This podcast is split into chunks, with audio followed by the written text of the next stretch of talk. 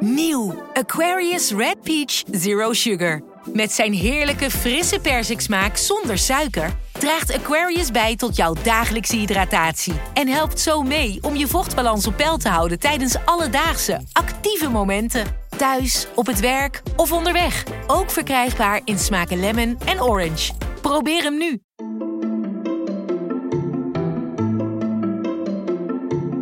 Welkom. Wij zijn Onbehaarde Apen. Dit is een podcast van NRC over wetenschap.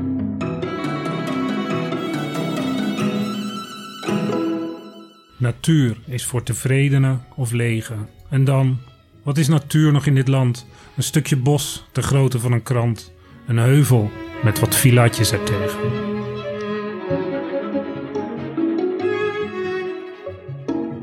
Welkom bij een nieuwe aflevering van NRC's Onbehaarde Apen. Mijn naam is Lucas Brouwers. Ik ben chef wetenschap bij eh, NRC. En ik uh, zit hier naast Hendrik Spiering. Hallo. Kun je iets over jezelf vertellen? Uh, ik ben redacteur gedrag en ook poëzie nu voor deze uitzending even. Ja, mooi. En naast mij zit ook weer Gemma Venhuizen. Hallo Gemma. Hoi, ik ben biologie-redacteur. En ja, Hendrik gaat wel even met de eer strijken, maar dat was natuurlijk het gedicht van J.C. Bloem. J.C. Bloem. En die tweede regel, hè?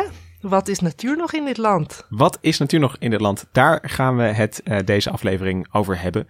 Naar aanleiding van allerlei discussies die de afgelopen winter over ons land raasden. Over de Oostvaardersplassen uh, onder andere. Maar we gaan uh, veel verder dan dat.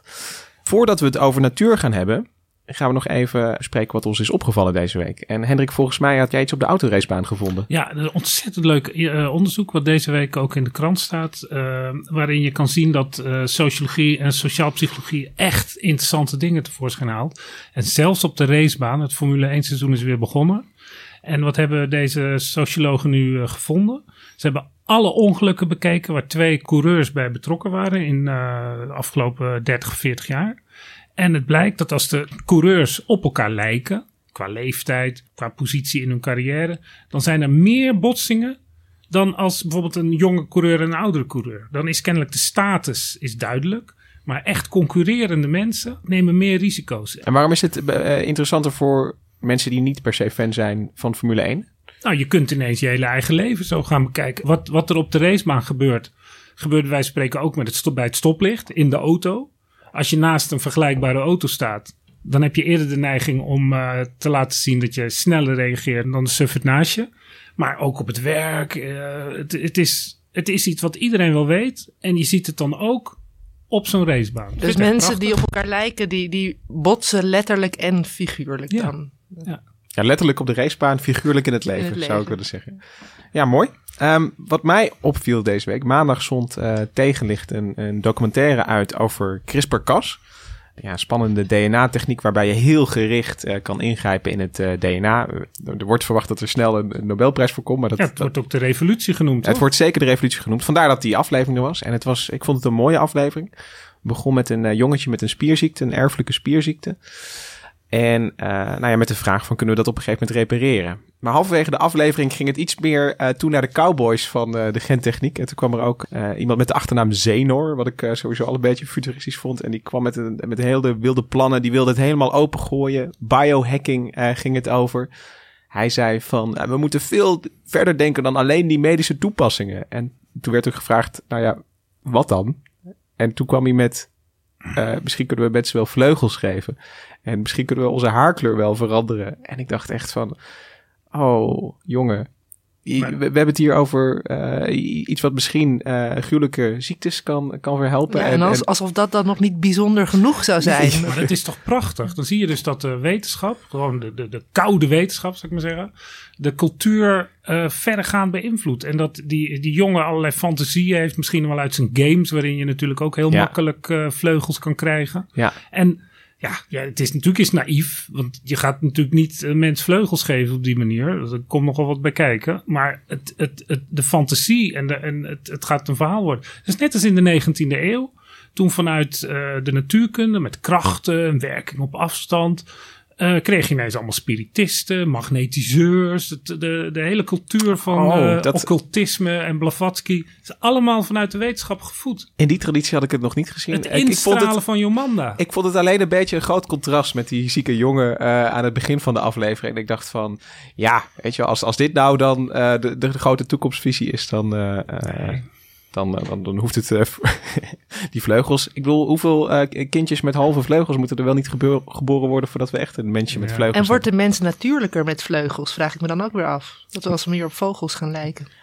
Gemma, wat een mooie brug heb jij hier geslagen. Wat is eh, natuur? Dat is waar we het deze week over gaan hebben. En die vraag die haalde zelfs het journaal onlangs. Mevrouw, u bent van de dierenambulance. Klopt, SOS Dierenbalans Dordrecht. Wat komt u hier doen? Uit Dordrecht? Uit Dordrecht, wij komen hier voor de dieren hooi brengen. En kijken hoe de situatie is. Want het gaat u aan uw hart. Wat denkt u zelf? Kijk eens hier. Zij en nog een eh, vrouwtje hebben net eh, een beestje, er lag er eentje in het ijs. Die hebben ze er net uitgetrokken. Dus ja, waar gaat het om? Ja, doe je niks, was hij vanmiddag dood geweest natuurlijk. Ja. En we vragen, Staatsbosbeheer rijdt voorbij, er probeert iemand hem aan te houden en ze rijden gewoon door. Maar dit is de natuur. De natuur. Als er niks is, het is koud, het is hier, er is niks. IJs, er is niks. Wat is de natuur? Dat, dat vind ik echt prachtig. Er is niks. Wat is de natuur? Dit moeten de Oostvaardersplassen zijn.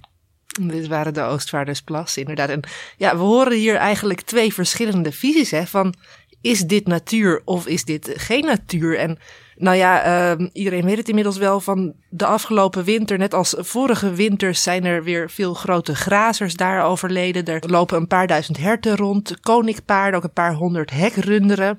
En ja, zo'n 30% van de dieren sterft dan. En dit jaar waren de protesten uitermate heftig. Heel veel mensen gingen op eigen gelegenheid bijvoeren. Tot grote ontsteltenis van Staatsbosbeheer. Want die zeiden dat is ook helemaal niet gezond voor de dieren. Als iedereen gewoon maar zelf eh, veel te Nee, want eiwit... dan, dan komen ze in eh, de zomerstand te staan. En dan gaan ze meer dingen, meer eten verbranden. En dan gaan ze eerder dood. Toch? Zo Nou, de, toch? de, de, de- onder andere, kijk, als, als ze het verkeerde eh, voedsel krijgen eigenlijk, ja, daar zijn ze helemaal niet aan gewend, als het veel te eiwitrijk is.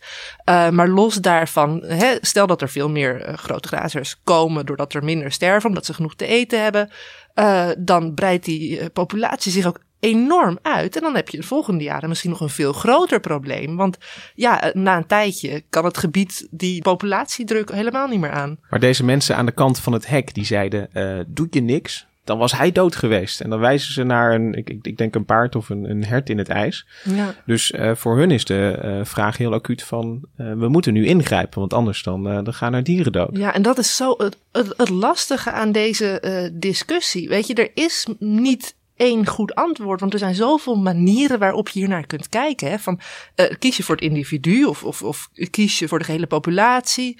Ehm, hebben de grote grazers het voor het zeggen in de Oostvaardersplassen? Of gun je juist alle maden die zich te goed doen aan het rottende vlees ook een stukje? Ja, eh, wat dat is, ook natuur natuurlijk. ja, en wat, wat is natuur? En die hele discussie lijkt ook echt vooral over taal te gaan eigenlijk. Over Van- taal? Nou, het, het gaat erom wat wij onder het woord natuur verstaan. Want vanuit daar kun je verder kijken van ehm, hoe gaan we dan met die natuur om?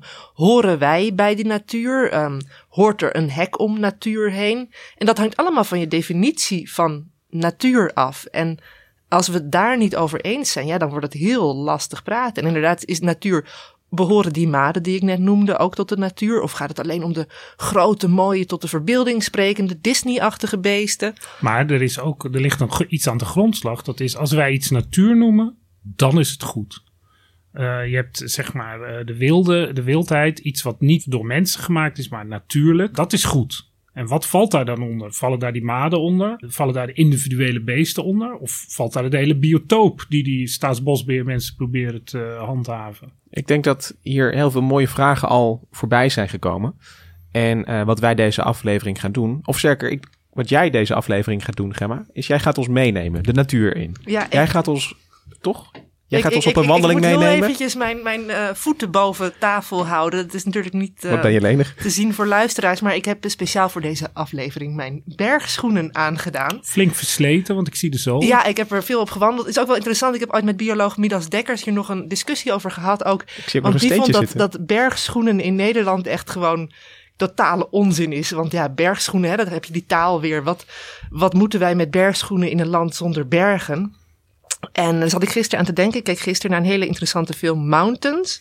Uh, die dus ook over bergen gaat. En daarin wordt gezegd dat bergen de natuur of de wildheid en de ongereptheid vertegenwoordigen. En toen dacht ik, ja, als, als je daarop gaat letten, dan hebben wij in Nederland echt geen uh, natuur. Maar goed, wij, wij gaan rondwandelen, of in ieder geval um, een audiowandeling maken langs verschillende uh, voorbeelden van natuur in Nederland. En ik dacht, misschien moeten we even beginnen met de grondlegger van de natuurbescherming in Nederland. En dat is Jacques P. Thijssen. Wie was dat? Um, eigenlijk was hij leraar, maar hij was ontzettend begaan met de natuur. Hij Maar hield het is lang geleden, hè?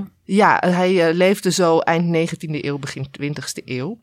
En nou ja, hij is vooral bekend bij heel veel mensen uh, van de Verkade-albums. Ik denk dat hij met die albums heel veel mensen in Nederland geïnteresseerd heeft gemaakt in de natuur. Mensen konden bij koekjes en beschuit en weet ik veel wat allemaal plaatjes verzamelen van de Gelderse roos of van de uh, kiekendief of weet ik veel wat, uh, wat ze allemaal konden verzamelen. En dat was natuurlijk een hele goede manier om de natuur te populariseren. En daar heeft hij een hele belangrijke rol in gespeeld. En een van zijn grootste fans was Jan Wolkers. En um, zij hadden allebei een lievelingseiland, dus of een lievelingsnatuurgebied in Nederland, Texel. En um, we gaan zo meteen even luisteren naar een audiofragment waarin Jan Wolkers in de voetsporen van Thijssen over Texel wandelt. Jan Wolkers over Thijssen. Kom maar op. Een van de indrukwekkendste gebieden hier aan mijn linkerhand. Het begint dus die muiduinen beginnen hier. En dan heb je hier, doordat die duinen vrij hoog zijn, blijft hier enorm veel water staan. En daardoor heb je hier allerlei uh, orgussen en uh, dat rondbladig wintergroen, parnassia. Prachtige speerdistels groeien hier. De uh, Gelderse roos zie je hier. al, dat, al die duindorens. Het is hier een enorm woest gebied. En ik weet dat toen ik hier de eerste keer doorging op een hele regenachtige septemberdag, hè, dat het was noodweer gewoon. Dat was zo indrukwekkend, want je, je waande je echt op een, uh, op een, uh, op een afgelegen, op een, op een onbewoond eiland. En dat was, dat zijn, is een van de woeste gebieden waar je dus, uh, waar je dus, laten we zeggen zoals bij de Geulen en zo, daar ben ik een keer door die, van de zee uit, door die bramen gegaan. En ik zat op een gegeven moment al die bramen en duindoors. En dat is een tocht. Nou, het was, tocht was misschien een één of twee kilometer. Maar daar heb ik uren over gedaan om daar doorheen te breken. En dan voel je echt een uh, Robinson Crusoe die uh, echt alles van zo'n eiland moet ontdekken. En dat je echt op een plaats bent waar nog nooit uh, mensen geweest zijn. Ontzettend leuk hoe uh, Wolkers, ik, ik zie hem ook gewoon voor me. Uh, hij vertelt dat hij over 1 à 2 kilometer, dat hij daar uren over gedaan heeft. En ik geloof hem gewoon met alles wat hij ziet. Ja, hij, nou, ik denk dat Thijs en Wolkers daarin ook uh, wel overeenkwamen. Dat zij heel erg oog hadden voor detail, voor, voor die, al die kleine onbenullige bloempjes misschien. Um, oh, dat zijn orgussen. nou, Wolkers weet je het nooit. Ik dacht dat het een soort genomen waren misschien die die zag. Wat ik ja, heel wat, mooi vond was dat hij dus gelijk een, een, perfecte definitie van natuur geeft. Van het is uh, woest, het is onbereikbaar voor mensen. Ik heb er urenlang doorheen moeten breken. En uh, Robinson Crusoe, onbewoond eiland. De natuur is waar geen mensen zijn. Daar komt het eigenlijk op neer. En dat is eigenlijk, vind ik, een beetje in contrast toch met uh, dat hele natuurbegrip van Thijssen. Die heeft ook natuurmonumenten opgericht, waar mensen komen wandelen. En met z'n allen daar, uh, ja. door het bos. Dat is ja. een heel ander soort natuur dan maar dit. Jan Wolkers had ook een... Uh, misschien was Wolkers wel een beetje mijn Thijssen. Want toen ik klein was, had Wolkers een hele leuke serie bij de VPRO over zijn eigen achtertuin. En ook daarin uh, vond Wolkers overal natuur. Ik bedoel, hij, hij tilde de bladeren uh, op en vond er van allerlei beestjes kruipen. Ook in, in die woorden gebruikte hij.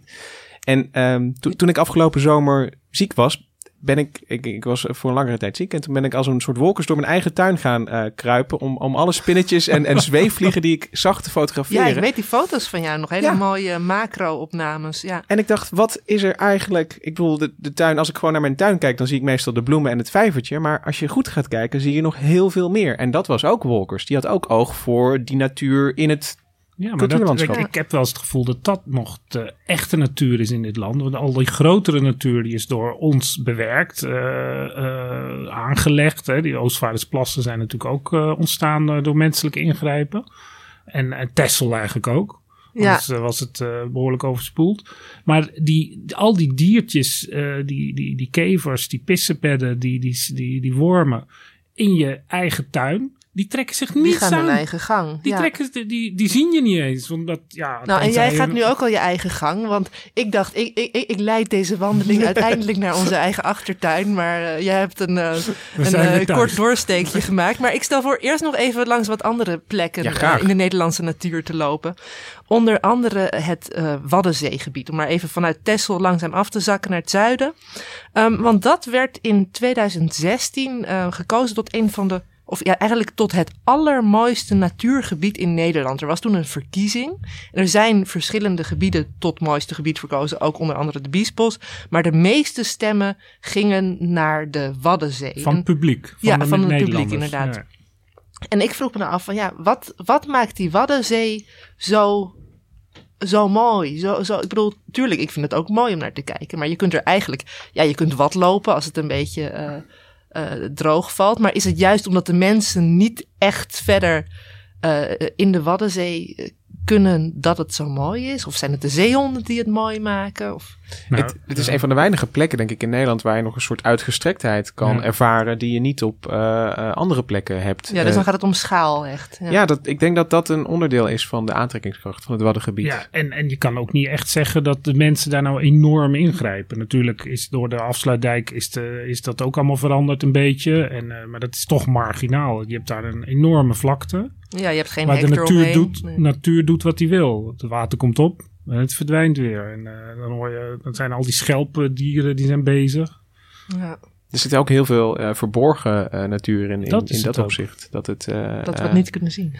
Ja, ik denk dat veel mensen als ze naar de Wadden gaan, dat, dat ze dan ook een, een eh, inderdaad, als ze gaan wadlopen, een gids meenemen. En, eh, het, Oh, en dan voel je opeens die pijnlijke schelp onder je voeten. Ja, ik Nou weet ja. het weer van mijn eh watloopavonturen. Ja. dus, dus, dus daar zit, eh, je komt er ook alleen is of vaak, met, ja. ja, met, hulp. En, en, en door die hulp, dan word je tegelijkertijd bewust gemaakt van, van alles wat er om je heen is. En, en eh, ik bedoel, heel veel mensen gaan wandelen in het bos, niet met een, met, niet met een gids. Die, die ze Nee, ook op heel veel verborgen dingen en, en, en makkelijke paden. Dat, eh, Maar ik denk ook dat het een cultureel effect is. Dat de Waddenzee, eh beschermde Waddenzee, de Waddenzeevereniging. Het is al sinds de jaren 60, in ieder geval sinds de jaren 70, is het de ultieme eh, natuurbescherming in Nederland. Van de Waddenzee blijf je af. En dat heb je met die gasboringen gehad met allerlei dingen. Er is een hele krachtige natuurbeschermings eh, eh, ja, zijn. Er zijn verschillende organisaties. En er wordt om gestreden om hem zo te houden. En dat beïnvloedt denk ik ook het beeld van die Waddenzee. Want het zou heel interessant zijn om te kijken wat er in de tijd van Thijssen als, als beste natuur werd gezien. Ja, want ik vind het leuk dat jij begint over natuurbescherming. Want ik wilde jullie inderdaad meenemen naar het Naardermeer. En dat was eigenlijk het eerste beschermde natuurgebied in Nederland, 1904. Ehm, de gemeente Amsterdam had daar plannen voor een hele grote vuilnisbelt. Want die dachten van ja, de stad groeit. Wat moeten we met al ons huisvuil? Nou, daar ergens rond Naarden is nog wel een mooie plek om dat allemaal te dumpen. Nog een geluk dat ze het niet in de Waddenzee wilden gooien. Was te, was te ver weg waarschijnlijk. Nee, maar toen dachten ze... Hè, Maar wat was dat voor meer op dat moment? Is het een, is het een heel groot... Nou, ik- dit, ik dit is ben een beetje een, moerasgebied is Oh, het ja. eigenlijk. En dat dachten ze, nou, daar kunnen we wel een vuilnisbelt van maken. En Thijssen die hoorde dat en die kwam in opstand. En die heeft toen natuurmonumenten opgericht met het doel om het Nadermeer aan te kopen en te beschermen. Ehm, ja, een van de dingen wel bij het Nadermeer is dat er ehm, al wel een spoorlijn dwars doorheen ligt. Bij, Zoals ze bij de Oostvaardersplassen hebben ze die speciaal om het gebied heen gelegd. Maar bij, de, Naar- bij het Nadermeer ga je er echt dwars Maar dat was doorheen. misschien makkelijk om het afval dan Nou. eh, vanuit de trein er zo in te gooien. En Thijssen vond het niet zo erg, ja, toen er eenmaal de, de vuilnisbelt ehm, van de baan was. Want Thijssen, die was eigenlijk best wel voorstander. Die was ook eh, groot eh, bepleiter van de auto. Want die zei van, vanuit de auto kun je prachtig de natuur bekijken. En ik denk dat hij die treinritjes door het Naardermeer misschien ook helemaal, eh, ja, wel, wel interessant vond. Ja. Al kon je dan weer niet stoppen onderweg. Nee, maar eh, daar zit een beetje in dat natuur ook, in Nederland althans, eh, toegankelijk moet zijn. Kijk, een dichtgegroeid bos, daarvan gaan we toch snel met z'n allen zeggen van, nou ja, wat, wat, moet dat daar? Moeten we daar niet iets mee? Maar zodra je er naartoe kan, zoals het naar de meer. Ik bedoel, ik kan me voorstellen dat je daar Ja, kan mooie wandelen wandeling. Ja. Ja, ik bedoel, maar dat sluit veel beter aan bij wat we in Nederland vaak natuur vinden. Is, is iets toch waar je eh, doorheen kan wandelen. Of in, of in de tijd van Thijs waar je met je auto doorheen ja, kon rijden. Ja, dus natuur in Nederland is eh gebied waar je naartoe kan en dan zo min mogelijk andere mensen ziet. Daar Ja, komt het eigenlijk op. En misschien wel zoveel mogelijk dieren dan tegelijkertijd. Ja, over dieren gesproken. Volgens mij is het, eh, zijn we aangekomen bij het volgende punt op onze wandeling. Een gebied vol dieren, namelijk de Kennemerduinen. Gemma, Ja, ik zal jullie vertellen, ik ben daar ooit boswachter geweest. Of in het bijzonder Vicent boswachter. bestaat dat beroep? Vicent Boswachter? Nou ja, ik, ik gaf mijzelf een beetje. Het was eigenlijk gewoon vrijwilliger. Ik, ik, ik was een soort hulpboswachter. En ehm, ik hielp in het gebied het eh, Kraansvlak, een onderdeel van de Kennemerduinen. Want daar wonen de Vicenten. En, eh, nou, Wat zijn, wat zijn dan? Vicenten, ja, ik had er zelf voor die tijd nog nooit van gehoord. Ehm, maar het was afgelopen najaar was ik daar ook voor NRC om een audiotour op te nemen samen met Jesper Buursink. Daarin komen we een boswachter tegen die dat allemaal uitlegt. Ja, we zijn hier bij het Vicente uitkijkpunt, eh, Gemma. Ja, ik zie een mooi meertje. Ik zie eigenlijk helemaal geen dieren in de verte, maar daar staat wel een boswachter. Goedemiddag. Goedemiddag. Wij waren heel erg benieuwd. We zien hier een Vicent uitkijkpunt, maar we zien geen enkele Vicent in de verte. Dus wat zijn dat nou precies voor dieren? Wiecenten zijn eh, in Europa het grootst levende landzoogdier. Tien jaar geleden zijn we een klein project begonnen met een drietal wiecenten. En nu zijn we tien jaar verder. En nu lopen er bij ons nu 22. Maar ze waren uitgestoven hier. Voor de Tweede Wereldoorlog is de laatste wilde wiesent geschoten hè, door privéjacht. En toen waren de wilde wiesenten op. En de enige wiesenten die toen nog bestonden was in een aantal dierentuinen in Polen en in Duitsland. Vanuit die 12 hebben we heden ten dagen, 2017, ruim 5000 wiesenten overal in Europa rondlopen. Ik heb gehoord, het zijn een soort Europese bizons eigenlijk. Hè? Dat, eh, kun je ze daarmee vergelijken? Nou, het is de familie van de Amerikaanse bison. Alleen de, de Vicent, oftewel de Europese bison, die ziet er wat anders uit. Staat hoog op zijn poten, is heel slank, ook heel wendbaar. Die doen het dus wel goed in de duinen. Ze doen het perfect. En waarom zien we ze nu niet? Waar Eh, zijn ze? Ja, hun leefgebied is eh, pak een beetje 280 hectare groot. 22 Vicenten, ja, die zie je niet elke dag, elk moment lopen natuurlijk. En wat ik wel interessant vond in mijn tijd als, als eh, ja, hulpboswachter daar, was dat ik heel erg ervoor moest zorgen dat de mensen niet te dicht bij de Vicent in de buurt kwamen. Want er was toen nog heel weinig bekend over de interactie. Het zijn dieren, ze kunnen vanuit stilstand echt eh, meteen tot 60 km per uur eh, versnellen. Nou ja, ze zouden best makkelijk een mens onder de voet kunnen lopen. En ehm, vandaar dat wij erop moesten toezien dat de mensen niet van de paden afgingen, dat ze ook geen honden meenamen. Ehm, Dus je was eigenlijk mensenboswachter. ja, dus ik, ik was toch weer heel erg aan het reguleren in dat gebied. Maar tegelijkertijd beschouwden heel veel wandelaars die zeiden echt van wow, dit voelt echt als oernatuur. Dat je van die hele mooie, imposante beesten die zo lijken eh, weglopen uit een grottekening, dat die door dat gebied, en het is een heel mooi schilderachtig gebied, heel gevarieerd ook. ehm, eh, open duinen, maar ook bossen waar de wiesenten dan weer kunnen schuilen in de winter. En die wiesenten die doen het dus ook heel goed in Nederland. Ehm, eh, de boswachters zorgen er wel voor dat de populatie niet te veel uitdijt. Ja, want dat was mijn volgende vraag. eh, want we horen nooit over de Kennemerduinen dat er mensen aan het hek staan om, om Vicenten bij te voeren. nee, of, dat of is omdat er- ik daar als boswachter natuurlijk... Ja. eh, nee. Dat is één deel van de... gewapend Ze dan. ze durfde niet, nee. Nee, ehm, maar eh, eh, het is zo, weet je, het is minder natuurlijk zou je kunnen zeggen. Omdat ze echt ervoor zorgen dat die kudde een bepaalde grootte houdt. Er zijn ook wiesenten naar andere gebieden in Nederland ehm, overgeplaatst. Onder andere de Maashorst. En er zijn ook dieren vanuit Spanje onder andere weer geloof ik geïmpor- geïmporteerd. Om de genetische diversiteit ook eh, op peil te Maar houden. ze sterven niet van de honger in de, in de Ze winter. sterven niet van de honger, maar ze zijn op zich best wel zelfvoorzienend. Maar ze sterven ook niet van de kou. In de Oostvaardersplassen is het gebied ook zo open dat ze weinig schuilplekken En, hebben. maar, er, maar er vindt dus beheer plaats. En eh, dit is dus een heel groot verschil met die Oostvaardersplassen die, waar we in het begin over hoorden. Waar er niet is afgesproken, eh, we houden de kudde op eh 20 of 50 of 100. Hebben ze dat hier heel duidelijk wel gedaan. Hier zeggen ze 22 is, is genoeg. En we hoeven ja, ook niet hebben per ze se... niet vanaf het begin. Het experiment eh, loopt zo'n tien jaar nu. En ja, er waren heel veel vragen aan het begin. Van hoe reageren die Vicenten op elkaar, op bezoekers, op het gebied? Hoe reageert het gebied op de Vicenten? Dus het was eigenlijk een, een vrij open vraagstelling. En aldoende hebben ze gekeken van wat werkt in dit gebied. En Maar wat een verschil zeg met de Oostvaardersplassen, waarin het gaat om duizenden van eh, duizenden paarden, toch? En Ja. duizenden Edelherten vooral. edelherten. ja, En hier 22, een toegankelijk gebied, gevarieerd. Terwijl in de Oostvaardersplassen, die, die mevrouw aan in het eh, fragment eh, aan het begin, die zei ook al, er is hier niks. Dit is geen natuur. ja. Het is platgetreden. Maar de, er zijn bij- daar geen om, bossen om, beide, om beide gebieden staat, staat wel een hek. Dus je kunt je afvragen van is het dan allebei geen natuur? Maar het voelt heel natuurlijk als je daar loopt. En is het, is het landschap, is dat ook ingericht? Is, het, is, is, er, is ervoor gekozen van hier hebben we een duin en... eh, eh, nou, de bossen hier zijn zo'n eeuw geleden zijn, zijn eh, grotendeels aangeplant wel in de duinregio. En Ja. ja. Hendrik, nog even op jouw vraag van waarom zijn er geen, geen bossen? Of Mhm. waarom is er niet meer beschutting in de Oostvaardersplassen?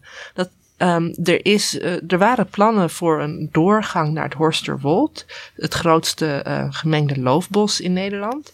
En daar zouden de dieren dan in de winter naartoe kunnen trekken om, eh, Beschutting om, te zoeken. om beschutting te zoeken. en eten. Maar ja, dat plan is om financiële, politieke redenen gesneuveld in Maar 2010. zouden Ja. ze dan niet dat bos opeten? Want die, die dieren eten ook takken, denk ik. En, eh, Nou ja, sommige soorten die inderdaad wel... Wiesenten zijn ook eh, volgens mij zogeheten schillers inderdaad. Ja. En eh, er sneuvelen wel wat struiken. Maar ja, enorme bomen die, die er al lang staan... die laten ze ook met rust. Er blijft genoeg over. En ehm, Eh, Wat ik ook interessant vond, Gemma, is dat jij het als een soort mooi landschap beschrijft, omdat het eh, gevarieerd is. En dat hoor ik ook wel vaak, dat mensen, als ze het over natuur hebben, hebben ze toch een bepaald idee bij van een glooiend eh, landschap met een beetje hoogteverschil erin. een riviertje. Een riviertje of een watertje en een bosje, Bosje. daar. ja, alle, de, alle Maar- ingrediënten zijn er. We- Misschien een prullenbak. Maar terwijl als je echt in het, in het wild gaat, gaat kijken, dat, dat een echte, tussen aanhalingstekens, echte wildernis, ja, dan groeit het bos misschien dicht of droogt het vennetje op. Of waarom, waarom vinden we dat dan zo natuurlijk, terwijl het in feite niet per se een natuurlijke situatie is? Ja, ik, ik denk dat het iets met overzicht, hè, eh, on- onze behoefte, als je een te dicht bos hebt. eh, dan- mijn oma die zei wel eens dat ze niet van de bergen hield, want als ze dan beneden stond, dan had ze te weinig, te weinig uitzicht. Ze, ze, ze kon het gevaar niet zien aankomen, zeg maar. En ik denk dat daarom houden we wel een beetje van half open landschap. En ja, afwisseling. Ik, ik denk dat heel veel mensen gewoon, durf ik niet te zeggen, maar ik kan zo, we houden gewoon van afwisseling. Is, is, is, is, Is dat, dat, is dat eh, genoeg antwoord? Ja, ik, ik, ik vraag me gewoon af of het, of het universeel is. Of de Inuit op, eh, eh, op, op Groenland, of die ook van een afwisselend landschap houden. Of die ook liever eh, eh, een- watertje en een, en een bosje hebben dan, dan wat zij hebben. Of, of dat Ja. iets is wat... Ik kan wel even terugkomen op J.C. Bloem. Die had namelijk ook wel een voorkeur voor een landschap. Eh, de natuur, daar zag hij niet zoveel in. Ach, een heuvel met wat villaatjes ertegen. En dan volgt de strofe. Geef mij de grauwe stedelijke wegen. De in kade vastgeklonken waterkant. De wolken, nooit zo schoon dan als ze omrand door zolderramen langs de lucht bewegen. Ja, dat kan je ook mooi vinden. Ja. Nou, Maar dat is niet wat mensen als natuur eh, beschouwen. Maar hij kent het wel. Hij is erin opgegroeid. Hij, hij heeft zijn misschien een overdosis buiten. natuur heeft hij gehad. Dat eh, had ik vroeger wel eens. Als mijn ouders me te veel meenamen naar het bos, dan wilde ik daarna alleen nog maar in de stad zijn. Maar Misschien is het tijd voor de, de volgende bestemming Ja. op onze wandeling. Want we kwamen net van de Vicente in de Kennemerduinen vandaan. En nu wil je ons meenemen naar een natuurgebied in de buurt. een naburige gebied, de Amsterdamse waterleidingduinen, die eh, in tegenstelling tot de naam niet in Amsterdam liggen. Maar de naam zegt het al, hè? eh, waterwingebied voor Amsterdam en omstreken. En ehm, ik, heb, ehm, ik ben daar afgelopen weekend gaan wandelen. En toen heb ik een verrassing voor jullie meegenomen. Ja, er ligt, hier, er ligt hier een beetje Heel natuur eh, op Ja, tafel. Ik dacht, ik neem de natuur gewoon naar ons mee. Ja, dus, dus de, de studio is wat eh, wilder geworden. Ja. Ja. voel maar eventjes. Het zijn Het is geen dode muis. hè? nee, wi- witte haren, eh, een heel klein vleugje bruin. Ja, ruik er maar even aan, Hendrik. Waar ruikt het naar? Nou, niks. Het is, eh, het is dikker haar dan, eh, dan op mijn Ja. hoofd groeit. Het is is, Er ook wit. witter haar dan op jouw hoofd. Maar het zou ook zeker. een soort gras kunnen zijn. En, en nou, ik heb er een geluidsfragment bij. En dan misschien dat jullie dan weten van welk dier dit eh, haar afkomstig is.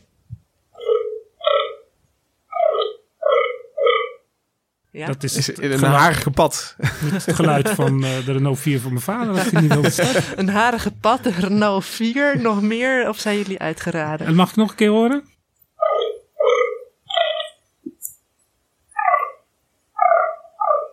Het is niet een heel groot dier. Vertel het maar, Gemma. Het is een uh, damhert. Het oh. is een knorrend damhert. Je hebt in het najaar, net zoals je op de Veluwe de burlende edelherten hebt, heb je ook. ja. Dit is de, de, de bronst van de damherten, is dit eigenlijk. En omdat de damhert dan wat, wat minder fors is en eh, z- zijn geluid wat minder is, noemen we dat dan knorren in plaats van burlen? Nou, volgens mij, eh, volgens mij is het de officiële term is knorren, maar ik, eh, ja. Het klinkt wel heel bescheiden, want dat burlen, dat heb ik ook wel eens gehoord. Dat Nou, maar echt, als je in de duinen loopt, dan is het toch wel-. De eerste keer dacht ik inderdaad, wat voor padden lopen hier allemaal rond. Maar die vacht is dus van een damhert afkomstig. En Oh, daar mooi. zijn er nogal wat van in de Amsterdamse waterleiding Duinen. En, en dit is het mannetje en die, die roept dan het ja, vrouwtje op. en dat, eh, En nou, dat vindt ze dan mooi, dit Ga maar in oktober een keer luisteren, zou ik zeggen. Maar het, eh, eh, er zijn, de damherten, dat beurlen van die damherten, dat gaat zo goed. Ze doen het zo succesvol dat er inmiddels, nou, ik geloof dat er 2016 waren er bijna 4000 damherten. En ehm, dat is nogal wat ehm, in een gebied van, nou moet zit ik even te denken, ik geloof 14 hectare. Zo weinig. Nou, dat 40 Dat kan bijna misschien. niet. Nee, dat kan dus niet. Ik ben nooit zo goed met hectare.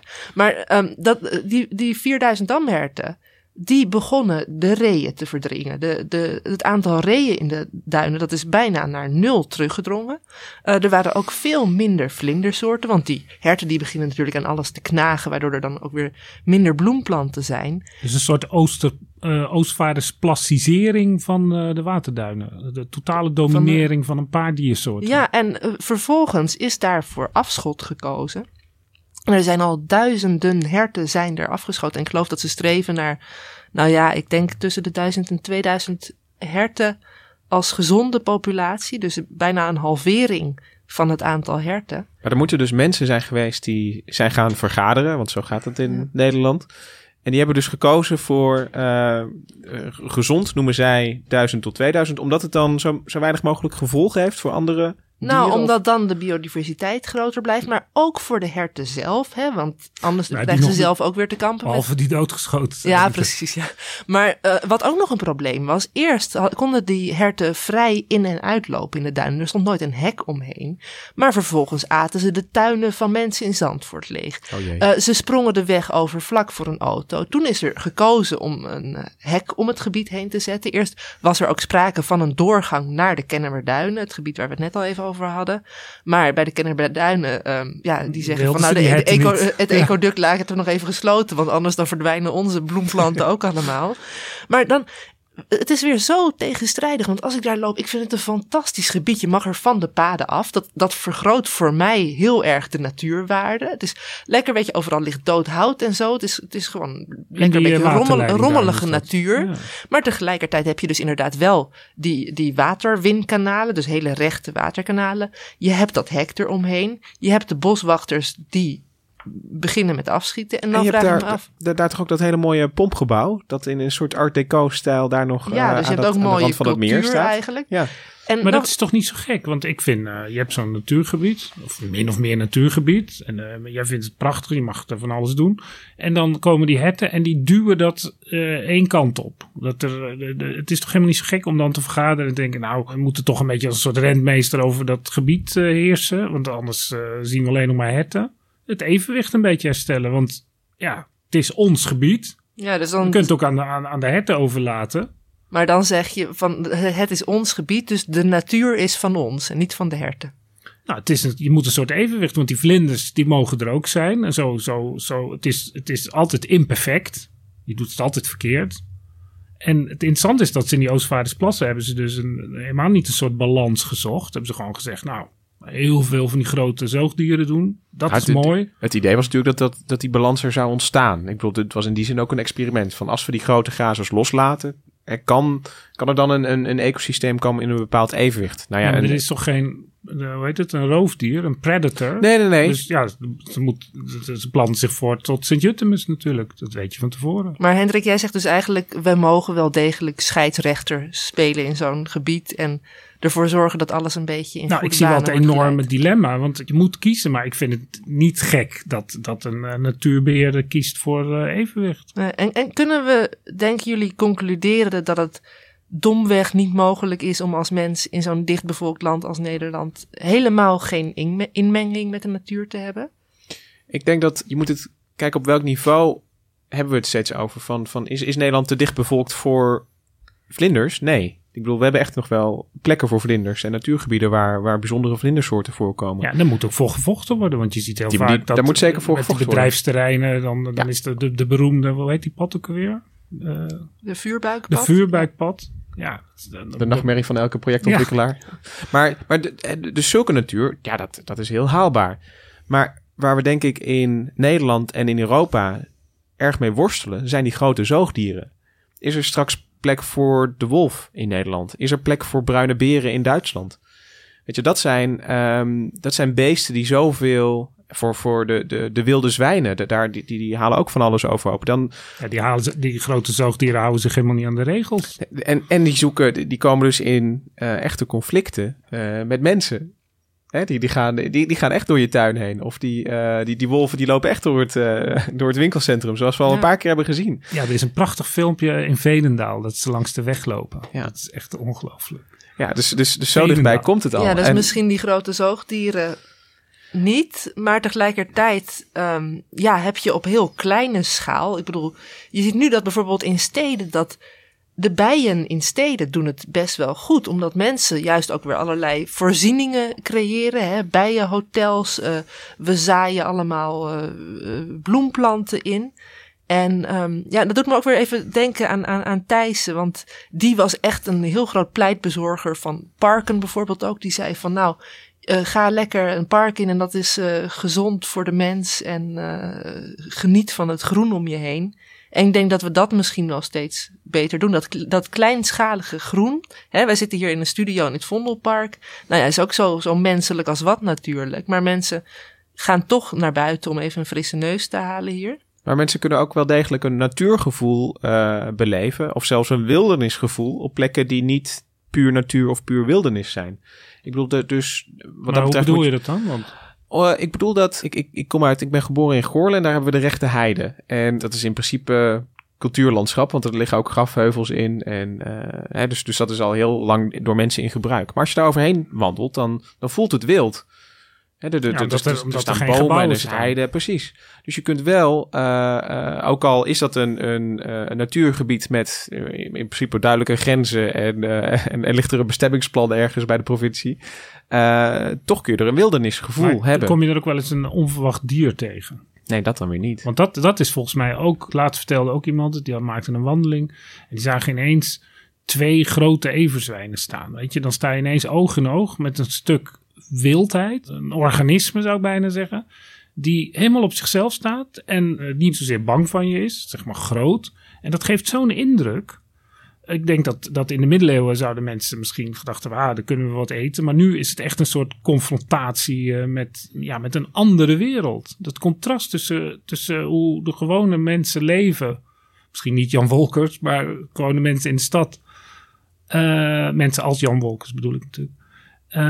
En, en de natuur zoals we die ons voorstellen. Met, met grote grazers, dieren. eh, een beetje zoals, zoals eh, ja, maar- het oerwoud is. Wat, wat- je net zei, vond ik wel, vind ik wel interessant. Want dat natuur beschermen dat, dat, en, en, en natuur als, als iets eh, van waarde zien, dat, dat, dat begint bij Thijs. Maar dat is pas, eh, daar zijn we dus pas 150 jaar mee bezig eigenlijk. Terwijl ja, al die tijd waren we juist bezig met het ontginnen eh, en, het, en het zien van natuur als bron. Dus en we moeten misschien ook de natuurbeschermers nog even de tijd geven. Of, of, hè, Ja. of, of de mensen om eh, even aan dit idee te wennen van hè, Ja, dat, dat, en- dat er en- zoiets en wilds Ik sprak is. laatst eh, hoogleraar ecologie Han Olf over de Oostvaardersplas. En die zei ook van ja, het is 40 jaar oud. Het is nog een piepjong ecosysteem. En wat jij zegt inderdaad een paar eeuwen geleden. Nou, eh, toen wilden we nog helemaal niet de wilde natuur in. Nee, we waren doodsbang nog- voor bergen en bossen. En... Toen we de natuur nog hadden, toen zagen we het niet. Maar kunnen we dan concluderen aan het einde van deze wandeling, waar we heel verschillende eh, stijlen van natuurbeheer hebben gezien, van wat, wat nu het beste is of wat het beste bij Nederland past? Nou, ik, ik, ik zei net al iets over balans. En ik vind het eigenlijk wel heel interessant dat er zoveel verschillende soorten van natuurbeheer zijn. En ja, eh, je probeert het in, in de Oostvaardersplas op een bepaalde manier. Daar kun je heel lang over discussiëren hoe goed dat is. En het is niet de enige manier. In, in de Kennemerduinen, in die waterleidingduinen, in het, in het tuintje van Jan Wolkers gebeurt het weer op een andere manier. En misschien moet het wel zo gevarieerd zijn. Laat, in, eh, we hebben JC Bloem al gehoord. Ik zou zeggen, laat duizend bloemen bloeien. En Ja. Gemma, wat denk jij? Nou ja, ik denk dat het inderdaad niet mogelijk is om hier in Nederland helemaal geen inmenging met de natuur te hebben. Ehm, maar waar ik wel heel erg voor, ehm, ja, waar ik heel blij om ben, is dat de natuur in Nederland toch een eigen plekje lijkt te claimen.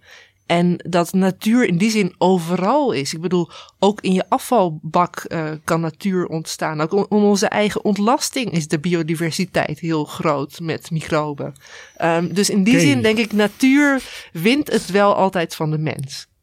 Oké. Nou, dat is misschien een mooi moment om eh, een andere dichter erbij te pakken die onlangs nog heeft geschreven over natuur. Hendrik, Ja, eh, dat is eh, de dichter des vaderlands, Esther Naomi Perquin. En die heeft een prachtig gedicht over de natuur geschreven... naar aanleiding van de Boekenweek, die ook over natuur gaat. En dat is een hommage en een variant op het beroemde gedicht van J.C. Bloem. Het gedicht begint hetzelfde. Natuur is voor tevredenen of lege. Uitzicht, waarbij geen uitleg nodig is. Een aaibaar lapje, vlees nog vis, waarlangs we ons gewapend voortbewegen. Haast alle herten zijn van pluche gemaakt. De goudvis zwemt de kinderkamer rond. En zelfs de stijf bevroren wintergrond blijkt roomijs met bastonjesmaak. Dankjewel Hendrik. Eh, volgens mij is de cirkel nu rond. In ieder geval eh, van deze podcastaflevering. Iedereen weer bedankt voor het luisteren. Dit was eh, eh, de tweede aflevering van Onbehaarde Apen. Wil je de volgende aflevering nou ook weer vanzelf luisteren? Abonneer je dan eh, via iTunes, Stitchers of een andere eh, podcast-app. Op onze website en in de Google Play Store zijn we ook te vinden. Vertel ook vooral verder aan vrienden, familie en collega's dat er een hele leuke nieuwe podcast over wetenschap is. En dan zien we je volgende week weer.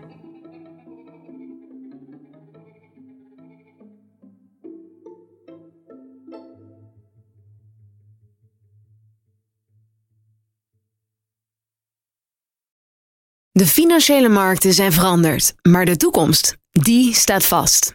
We zijn in transitie naar een klimaatneutrale economie. Dit biedt een van de grootste investeringskansen van onze generatie. Een kans voor u om mee te groeien met de pioniers van morgen. Meer weten? Ga naar carbonequity.com. Carbon Equity. Do good by investing better.